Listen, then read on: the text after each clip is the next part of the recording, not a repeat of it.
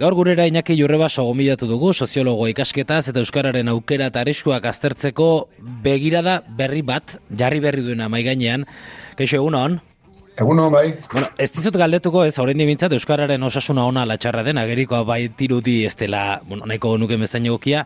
Galdetuko dizut izan zitekenerako ona ote den zure ustez. Mm Bueno, orokorrean esan behar da, ba, bueno, dauden baldintzak eta kontuen hartuta, ba, nahiko noa dela. Bueno, esan, a ber, nola, nola diraziko dugu.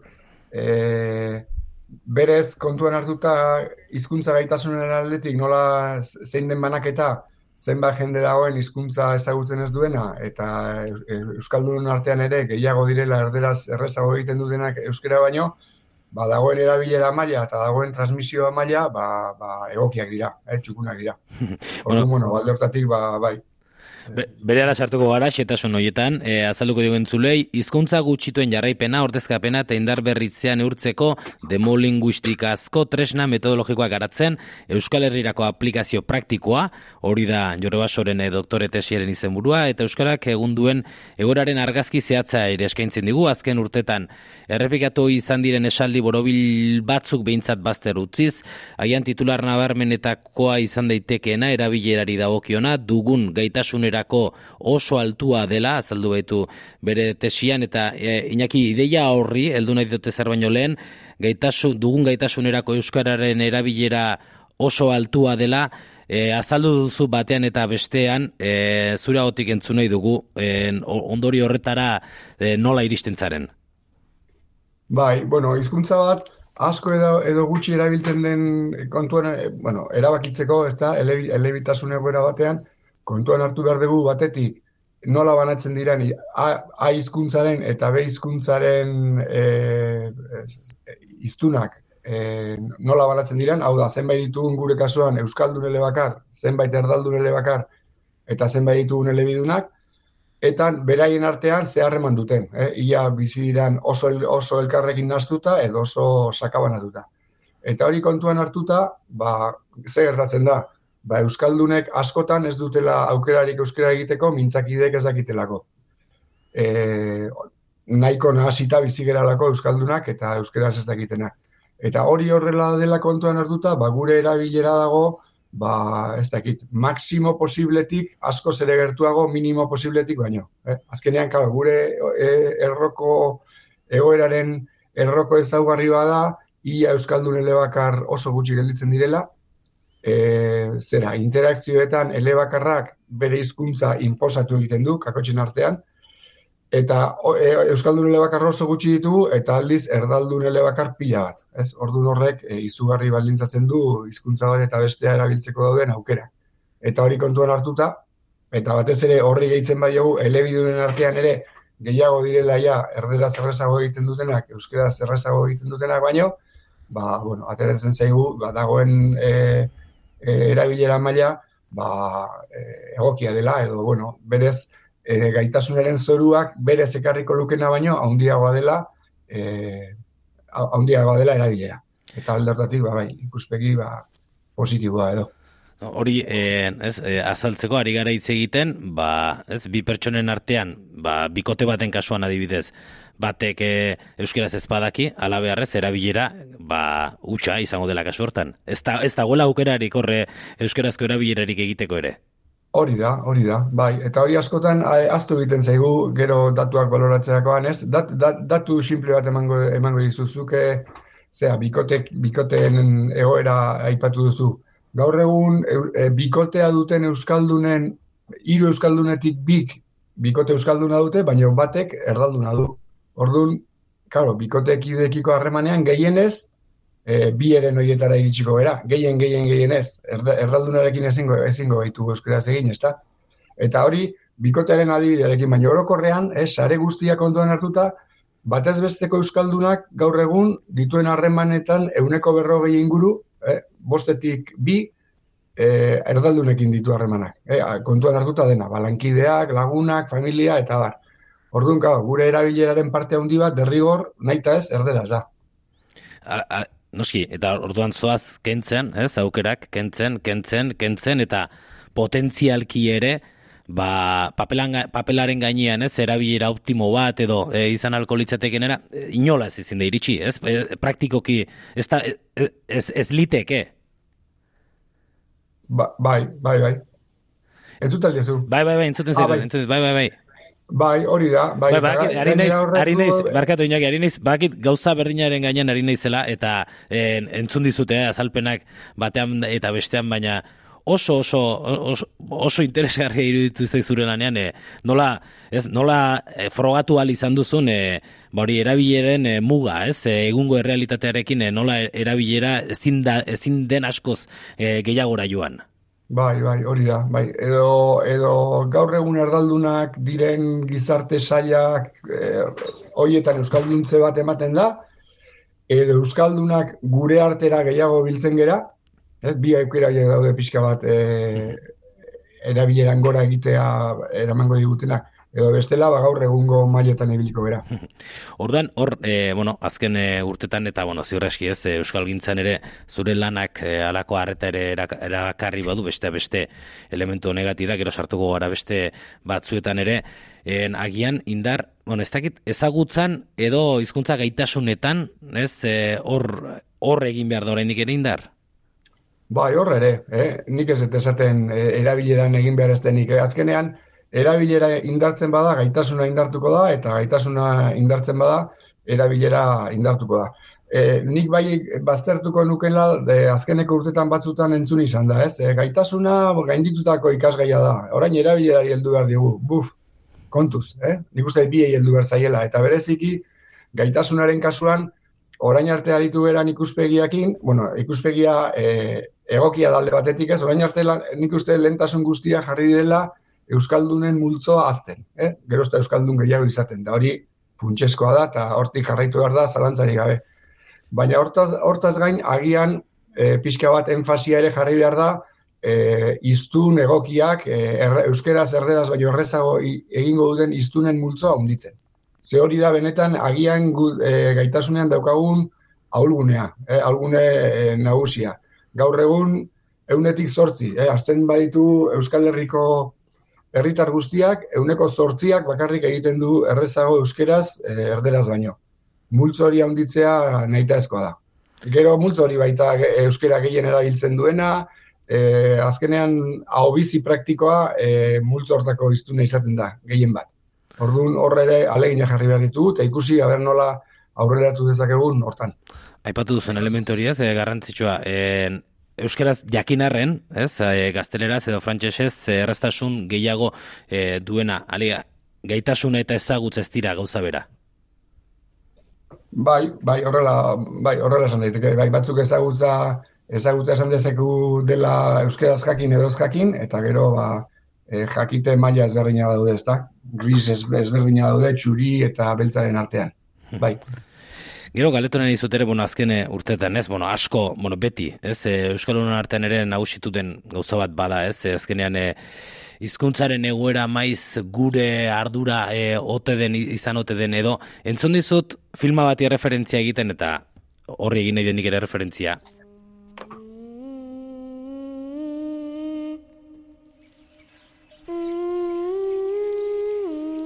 Nahi du egiten du, no? Itzarrak baizik ez ditu.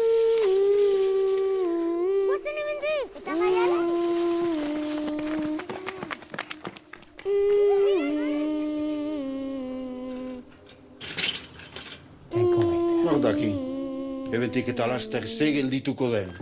Itxasu, irulegi, bizkar sor. Bizkar soro filmako tisarra da, entzun dizut ez, e, gustatu zaizula, mai gainan guri hizkuntzaren garapenan ezinbesteko diren gertakari batzuk, jarri dituelako, en, Euskararen e, ezin hoiek e, berezkoak baino ezarritakoak dira ez da? Edo bai, eratorritakoak bai. bintzat, politika zehatz batzuen ondorio. Bai, bai, dudari, gabe, euskararen egoera eta beste edo zein hizkuntzarena, azkenean soziolinguistikak zeo, zeo zer argi usten badu, e, hori da, ez dela hizkuntza beraren ezaugarri linguistiko, filologikoen ondorio, baizik eta gertaera historiko, ekonomiko, politiko, militarren ondorio izaten da hizkuntza hizkuntzen indarra, zeintzu dauden ze hizkuntza diren nagusi munduan, ez zergatik itziten dira hizkuntza gutxi batzu dituzte hainbeste milioi hiztun munduan kontinente ezberdinetan, eta zer zergatik beste hizkuntza batzuk dauden hilzorian, ba hori prozesu historikoen ondorio da, inengo zalantzari gabe, eta gure kasuan ere, jakina. Zure lanean ez, e, aurreko mende hasierara e, joan zara, horre lehen mundu gerra ditu zenaren aurretik, Espainiako gerraren aurretik, ze zantzu, antzeman duzu Euskararen egoerari dagokionez? Bai, e, eraiki izan dut, bueno, denbora serie bat, hogei garren mende hasieratik gaur artekoa, pixka bat, jasotzen duena zein izan den Euska, ba, Euskal Herriko etxeetan aur jaio berriei e, eman zaien hizkuntzak euskerak izan duen pisua, zein izan den horren bilakaera. Eta bueno, ba oso argi ikusten da, galera fase indartsu bat izan zela e, hogei garren mendearen lehenengo iruro eta marurtetan, e, fase horretan euskeraren pisua geisten joan zen, e, euskal etxeetan, horren arrazoia ba, batetik migrazio movimenduak eta bestetik e, Euskaldunen zati batek erabakitzen zuela semeala euskera ez, ez transmititzea. Eh? Zertarako transmititu euskera e, hizkuntza horrek sufritzeko besterik balioz bazuen, ez? Eta aurrera bidea, e, progresoa e, gaztelaniaren edo frantsesaren eskutik bazetorren, ez da? Orduan, bai, fase hori oso oso argi ikusten da, parentesi esanguratsu batekin, eh, hogei garren dago eta margarren amarkadetan eh, Espainiako gerraren aurretik abertzaletasuna eta euskaltzaletasuna indartxu egontzen gara egiten, badirudik eh, galera joera hori eteten hasita zegoela, ez? Eh, claro, gero gerra etorri zen eta eta horrek den aldatu zuen, eta frankismoan gertatu ziren egoaldean behintzat eh, galerarik, eh, galerarik handiena frankismoan gertatu zen. Orduan, Bai, hor ikusten da, galera e, prozesu hori segurazki bizkarsoro filman ikusten denarekin bat, ez da? Baina gero zorionez, iruro garren amarka da inguruan, ba, susperraldi e, handi bat gertatu zen, e, oso susperraldi berezia, hizkuntza gutxituen panorama ikusten badugu, ez da normala, eh, horrelako, horrelako susperraldiak, eta e, olatu indartsu e, horretan, ez denok ezagutzen dugu ba garai hartan ba euskera batua eta e, ikastolen sorrera eta eta bar e, datuek esaten dute susperraldi horrekin batera etxeetan ere e, semealabei hizkuntza ze hizkuntza transmititu horretan ere aldaketa gertatu zirela eta batetik ba e, utxera etorri zirela euskera ez transmititzeko joera, eh? hau da, gizartearen sail batek lehen erabakitzen zuen ez transmititzea hori ba, eten egin zen eta ja euskaldunak diren ia denek euskera transmititzera e, pasatu ziren. Eta bestalde ba garai horietan euskaldundutako euskaldun berri askok ere e, euskera transmititu zieten semeala ez eta erraldunek ere askok horren aldeko apustu egin zuten hezkuntzaren bidez. Ordun bai hor bizi izan gendun ba, hogei garren mendeak iran zuen bitartean, ez, ba, ez dakit, mila betzireun da iruro, iruro eta marretik, bi mila urte ingurura, horrelako susperraldi e, garrantzitsu bat. Eh? Garrantzitsua eta arraroa munduko hizkuntza gutxituen panoraman.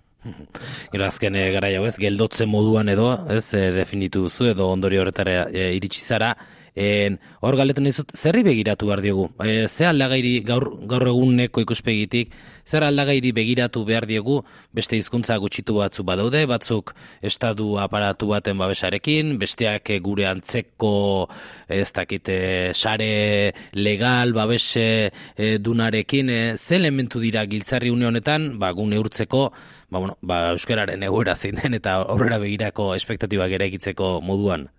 Mm ba, e, aldagai asko ditugu baliagarriak, ez, hizkuntza gaitasunena ba, litzake bat, baina hizkuntza gaitasuna ez bakarrik zenbat egakiten euskeraz, bazik eta zenbatek dire, zenbat diren, barkatu, euskera hobeto egiten dutenak, erabilera dugu beste bat, e, funtsezkoa, eta hirugarren bat, e, bueno, gehiago ere badaude, transmisio, transmisioarena, bueno, e, eta beste bat aipatuko dizudana, eta agian azpimarra hor jarri nahiko nuke, e, euskera nagusi duen lurraldea. Eh? Edo beki esan, euskera nagusi duen lurraldean bizi den iztun kopurua. Hau da, zenbat jende bizi da herrietan nun bertako prozesu naturalak euskeraren aldekoak diren. Eta hori nun gertatzen da, ba, euskera sozialki nagusi den herrietan, ez? Arnaz guneak deitzen ditugun hoietan. hori ere funtsezko alderdia da, eta seguraski azkeneko urtetan ba, argi gorria piztu deneko e, adirazlea e, gehien bat hori dugu. Eh? Badirudi orain arteko joere jarraitzen badute, azken hogei urte, urteetako joerek, ba, geroz eta lurralde gutxiago eukiko dugula euskera nagusi duena, eta horrekin lotuta, ba, geroz eta zailagoak izango dira euskera e, naturalki transmitit, e, transmititzea, eta geroz eta gutxiagoa izango dira, ba, lehen aipatu ditugun e, nagusitasunezko iztunak. Eh? Gehien bat horrelako inguruetan sortzen baitira e, euskera zerrezago egiten duten iztunak. Hori da, agian, e, e, ezagutza eta erabilera datu ez e, arago e, giltzarri izan detieken elementua alako eremuak e, mantentzea, Euskara nagusi den eremuak, handiago edo txikiago, baina eremu horiek izatea?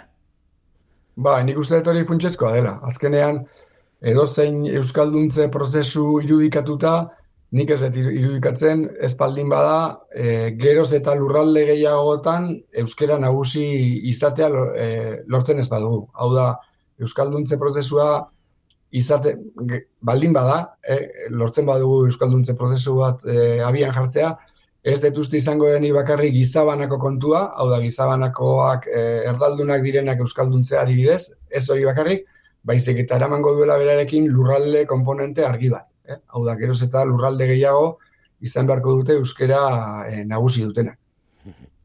Bueno, zure lanak esan dugu sarrerakoan, e, bueno, oi hartzuna armena, izan du euskal gintzan gainera, bueno, bada garai bat ez urrengo, bueno, aurreko orain arteko bidea e, txalotu ostean aurrera begirako ardatzak eta marrazten ari dena, euskal gintza bera, eta hortan lanean ari direne eragile guztiak.